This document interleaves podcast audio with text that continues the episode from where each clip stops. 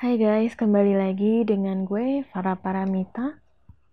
Malam ini gue akan menceritakan sebuah kisah horor dari seseorang bernama Lucy. Terjadi juga bersama dengan kembarannya Lisa. Oke, mari kita mulai.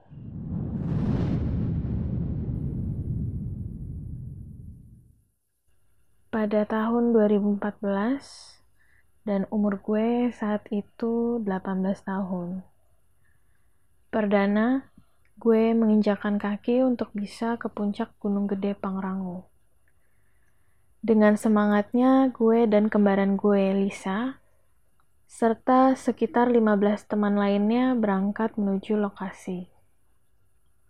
Tiba sekitar jam 2 pagi di pintu Cibodas dan kita dipersilahkan untuk beristirahat sejenak di base camp selama 2 jam. Dan setelah itu kita baru bisa mulai menanjak sehabis subuh. Dan jalanlah kita menuju puncak dengan perasaan yang sangat senang. Sesampainya di pintu masuk, ransel kita diperiksa oleh petugas setempat dan beberapa barang yang gue bawa ditahan karena takut air di sana menjadi tercemar. Mulailah kita berdoa dan bersiap-siap untuk mendaki Gunung Gede.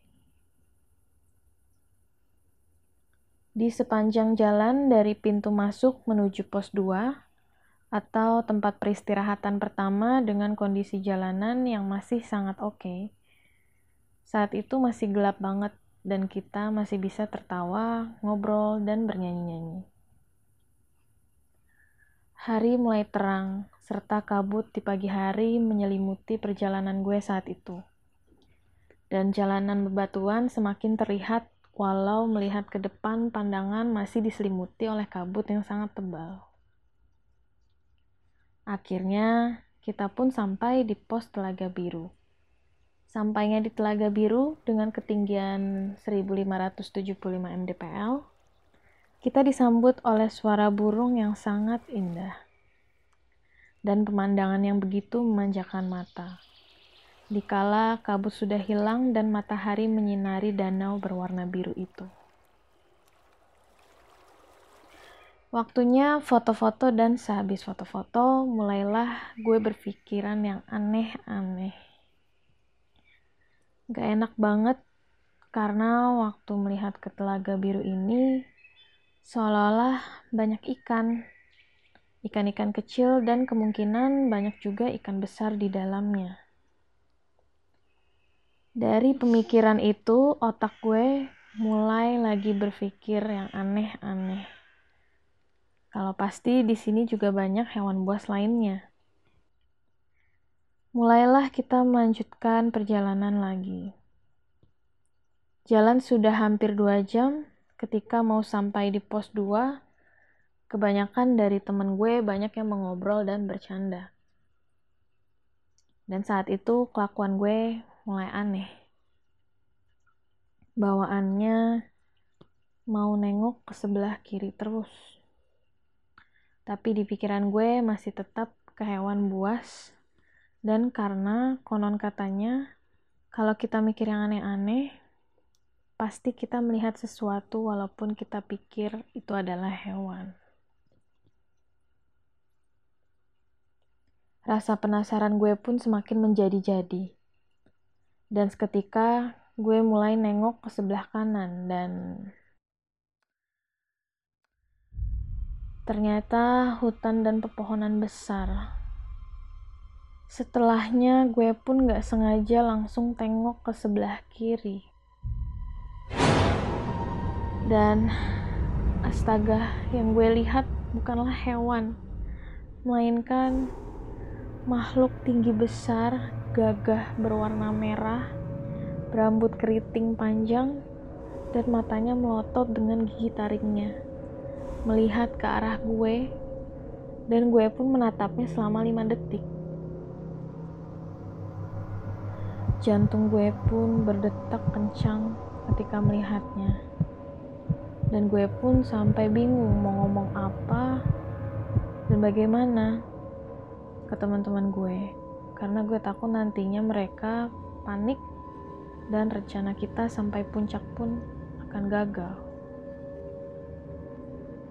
Sampai di pos 2 dalam keadaan hati yang menjadi-jadi, tidak karuan dengan hilangnya pemikiran hewan buas dan kepikiran makhluk apa yang barusan gue tadi lihat.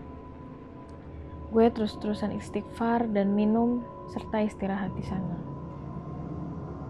Tapi gue tetap fokus untuk bisa naik ke puncak gunung walau memang terlalu memaksakan diri sendiri dalam keadaan yang gue sendiri pun gak tahu harus cerita ke siapa.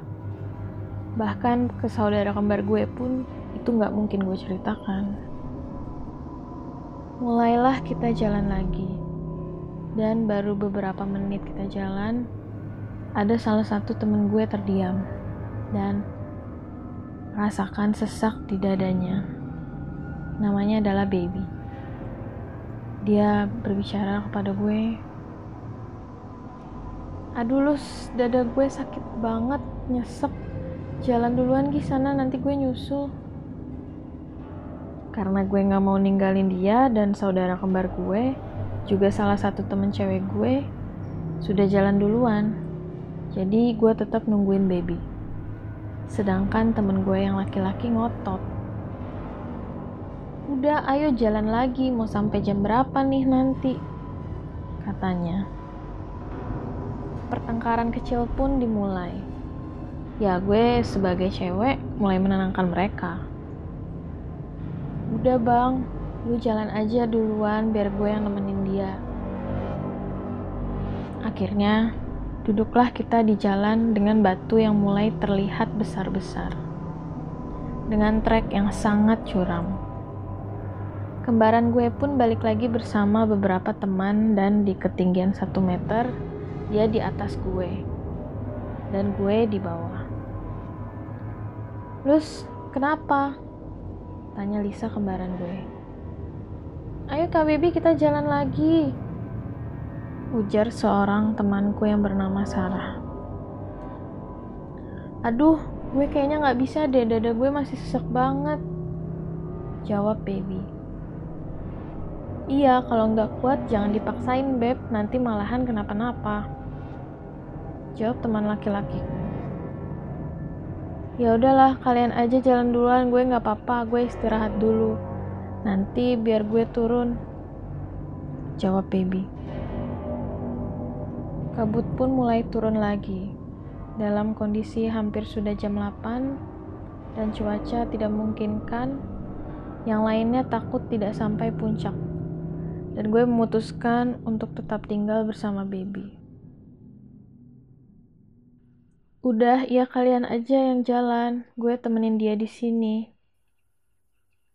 Karena pemikiran gue pun sama. Gak mungkin gue naik dengan apa yang tadi gue lihat di tengah-tengah. Ucapku dalam hati. Akhirnya, kembaran gue dan beberapa teman yang lainnya melanjutkan perjalanan mereka. Gue berdua sama baby istirahat dan menunggu rasa sesak baby mendingan baru kita lanjutkan perjalanan. Lucy, kalau mau ikutan, sana buru nyusul mereka. Gue gak apa-apa kok, nanti gue turun sendiri. Ujar baby. Gue pun terdiam dan rasanya ingin sekali berkata apa yang tadi gue lihat. Tapi gak usahlah nanti aja. Gue sampaikan pada saat di base camp. Jalanlah kita perlahan turun ke bawah. Rasa deg-degan pun itu muncul kembali, dan saat itu suasana sepi sekali. Hanya ada satu kelompok berjumlah tiga orang bertemu dengan kita. Itu pun juga mereka ingin menanjak ke atas, bukan turun ke bawah. Tersenyumlah mereka kepada kita. Melanjutkan perjalanan, gue hanya bisa baca-baca doa. Semoga nggak bertemu kembali dengan apa yang gue lihat sebelumnya. Sudah dekat dengan telaga biru, jantung gue pun berdetak dengan cepat, kencang. Karena arah ke atas, gue mencoba gak mau tengok sebelah kiri. Dan kalau arah ke bawah, berarti gue gak boleh melihat ke sebelah kanan. Begitulah menurut kepercayaan di Gunung Gede. Gue pastikan untuk melihat terus ke sebelah kiri dan mencoba untuk tetap tenang. Alhamdulillah sudah terdengar suara-suara pengajian dari warga sekitar Gunung Gede dan membuat suasana hati gue tambah tenang melalui jalanan itu. Sampailah kita di pintu masuk. Gue mencoba ambil barang gue yang ditahan oleh petugas. Misi pak, mau ambil barang yang tadi ditahan atas nama Lucy. Oh, ini neng, kok nggak naik? dan gue hanya bisa berkata oh nggak apa-apa pak ya udah makasih ya pak ujarku tersenyum kepada petugas itu sampai base camp sekitar jam satuan dan kita sempatkan makan juga menyempatkan untuk berjalan-jalan dulu ke Taman Cibodas dan bermain di sebuah kali depan base camp. Mulailah sore hari di mana badan gue ngerasa nggak enak dan mata terasa panas. Beb, kita balik yuk. Mau istirahat gue nggak enak badan deh kayaknya. Akhirnya baliklah kita ke base camp. Dan badan gue pun sudah sangat panas kondisinya saat itu. Di situ gue udah dikasih obat dan udah dikompres dengan handuk dan air yang sangat dingin untuk menurunkan panas gue. Tapi malahan handuk kompresnya yang berbalik panas. Sambil meneteskan air mata dengan perasaan takut, gue pun curhat akhirnya ke baby. Beb, hmm, sebenarnya gue ngeliat sesuatu tadi di atas. Gue juga nggak tahu kenapa gue bisa ngeliat itu. Padahal Kepikirannya hewan buas dan gak mau nengok sebelah kiri. Dan nengoklah gue gak sengaja ke sebelah kiri. Seketika aja gue ngeliat makhluk tinggi besar berwarna merah itu, Beb. Baby terdiam dengan sambil mengompres kepala gue lagi. Dan menyelimuti gue juga memakaikan kaos kaki berlapis-lapis. untung aja kita nggak jadi naik beb nggak tahu lagi deh kalau kita naik dan kita bermalam dengan kondisi gue yang kayak gimana nantinya di puncak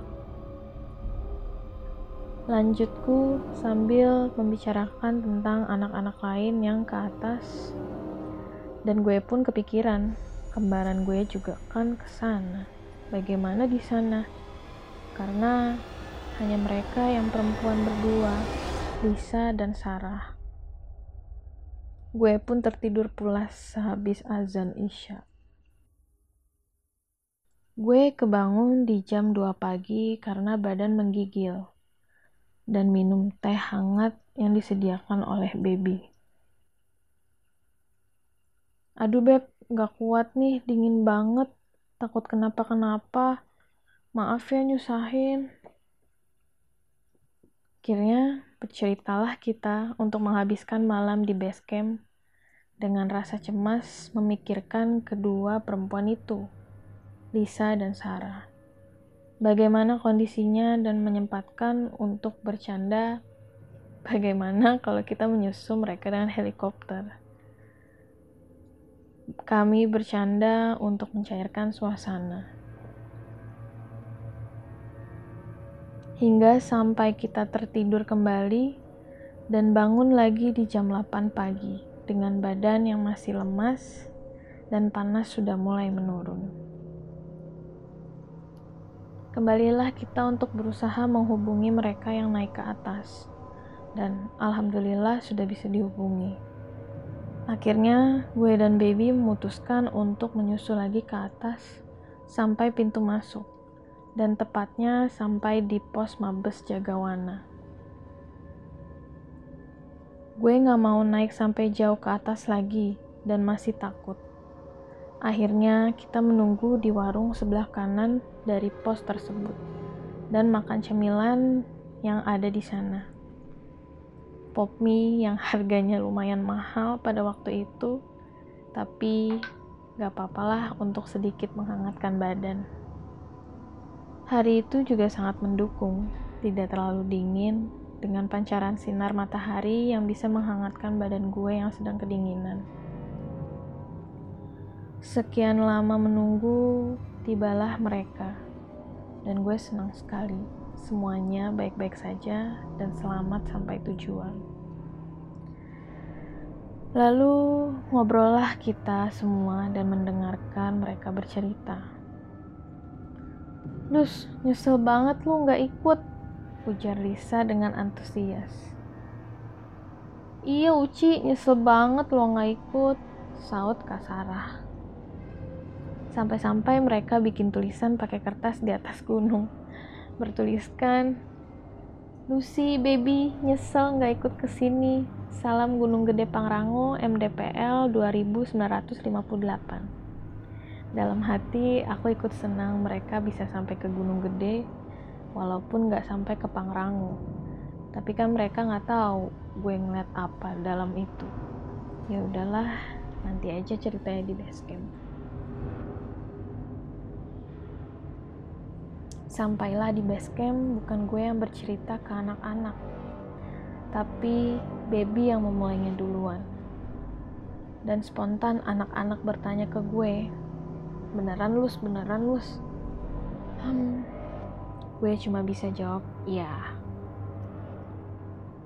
Gue hanya bisa menjawab seperti itu, dan ada salah satu anak laki-laki di kelompok kita yang ternyata bisa membantu ngasih air bacaan gitu ke gue dan minumlah gue Bismillahirrahmanirrahim ujar gue sambil minum air itu Sesudahnya, gue lanjut beristirahat dan bercerita di base camp. Dan tak lama kita pun bergegas pulang. Sampai di jalan Parung Panjang, gue berhenti dan beristirahat tiba-tiba anak laki-laki itu yang gue lupa namanya ngomong ke gue. Lus jangan takut ya. Iya kenapa emang bang? Tanya gue heran.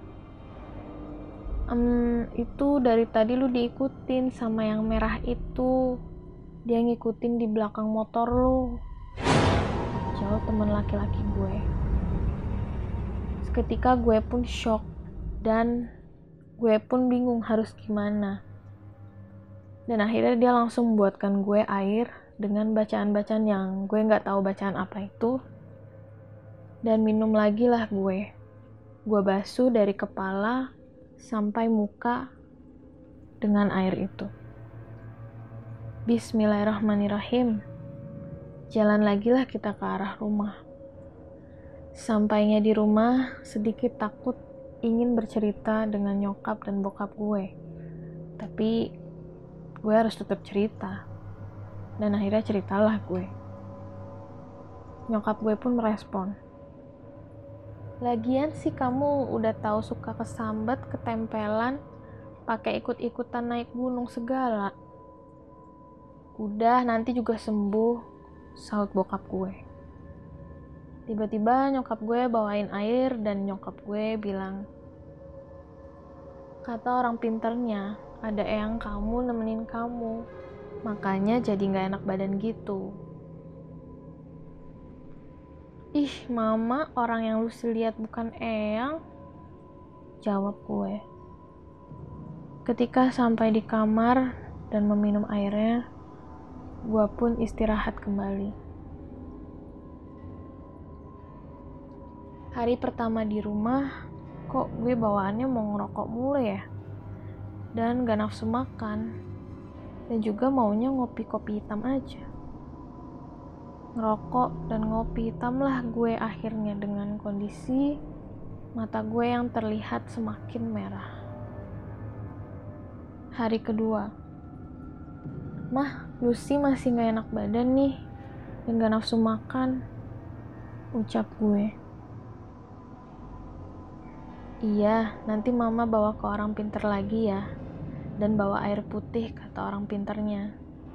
Ini mah ada nenek-nenek deketin kamu, tapi udah gak apa-apa kok, cuma mau kenal aja. Gue pun merasa sedikit kecewa, karena yang nyokap gue katakan itu gak benar, dan gak sesuai dengan apa yang gue lihat. Sampai hari ketiga di rumah. Mah, ayo deh sama Lucy ke orang pinter, tapi jangan ngasih tahu ya yang Lucy lihat apa di gunung. Sampai di sana hasilnya pun juga nihil. Cuma badan dan kepala gue aja yang diciprat-ciprat pakai air dengan orang pintar itu. Dia juga bilang ada nenek-nenek. Dan hasilnya sama. Gue di rumah tiga hari masih tetap hanya bisa ngopi hitam dan ngerokok. Dan gue sadar gue cuma masuk makanan itu sedikit. Di hari keempat gue bilang ke Lisa, Sa, aduh, gue gak sembuh-sembuh nih. Gue takut nih gue gak nafsu makan dan ngerokok. Terus sama maunya minum kopi hitam terus. Gue takut gue kenapa-napa. Ya udah, lu coba hubungin anak-anak aja Gi, minta tolong sama mereka gimana lagi caranya. Jawab Lisa. Dan akhirnya gue coba menghubungi Baby dan cerita semuanya selama empat hari bagaimana gue di rumah. Dan sore itu, di hari keempat, gue pun pergi ke tempatnya teman baby yang bernama Bang Pai. Sampailah di sana, gue bercerita tentang apa yang gue alami di rumah sampai tiga orang pintar dan satu termasuk teman kita nggak ada yang bisa nyembuhin gue sedikit pun. Dan kita sepakat untuk ke rumah Pak Haji kita pun juga sepakat untuk tidak ngomong makhluk apa yang gue lihat itu di gunung. Sampai di rumah Pak Haji, habis Isya. Assalamualaikum. Waalaikumsalam. Silahkan duduk dulu. Jawab seorang ibu-ibu sambil membukakan pintu. Tidak lama Pak Haji pun keluar ke ruang tamu. Tempat kita duduk dan kita semua bersalaman dengannya. Seketika Pak Haji berkata, Aduh, kaget saya lagi sholat eh ada yang datang makhluk besar warna merah di depan saya. Sontak semua pun terdiam. Dan bahkan gue pun juga terdiam. Tak lama gue diobati dengan bacaan-bacaan dan yang gue inget, gue disuruh baca surat Al-Fatihah dan dua kalimat syahadat serta doa-doa pendek lainnya. Dan Pak Haji berkata, Untung langsung datang ke sini. Udah berapa hari sama dia? Empat hari, Pak Haji. Jawab gue. Untung gak sampai tujuh hari. Kalau tidak, kamu dibawa sama si merah ini. Dan dia sekarang minta dipulangin kembali. Ujar Pak Haji. Aduh pak, gak mungkin. Saya masih kurang sehat kalau harus ke sana lagi. Ya udah, tenang. Nanti saya aja yang kirim dia pulang. Jawab Pak Haji itu. Dan alhamdulillah, gue pun lega setelah diobati, minum air bacaan dan dibasuh dari kepala sampai muka, pamitlah gue pulang ke rumah dengan sangat-sangat lega. Alhamdulillah sampai sekarang gue pun masih normal kembali.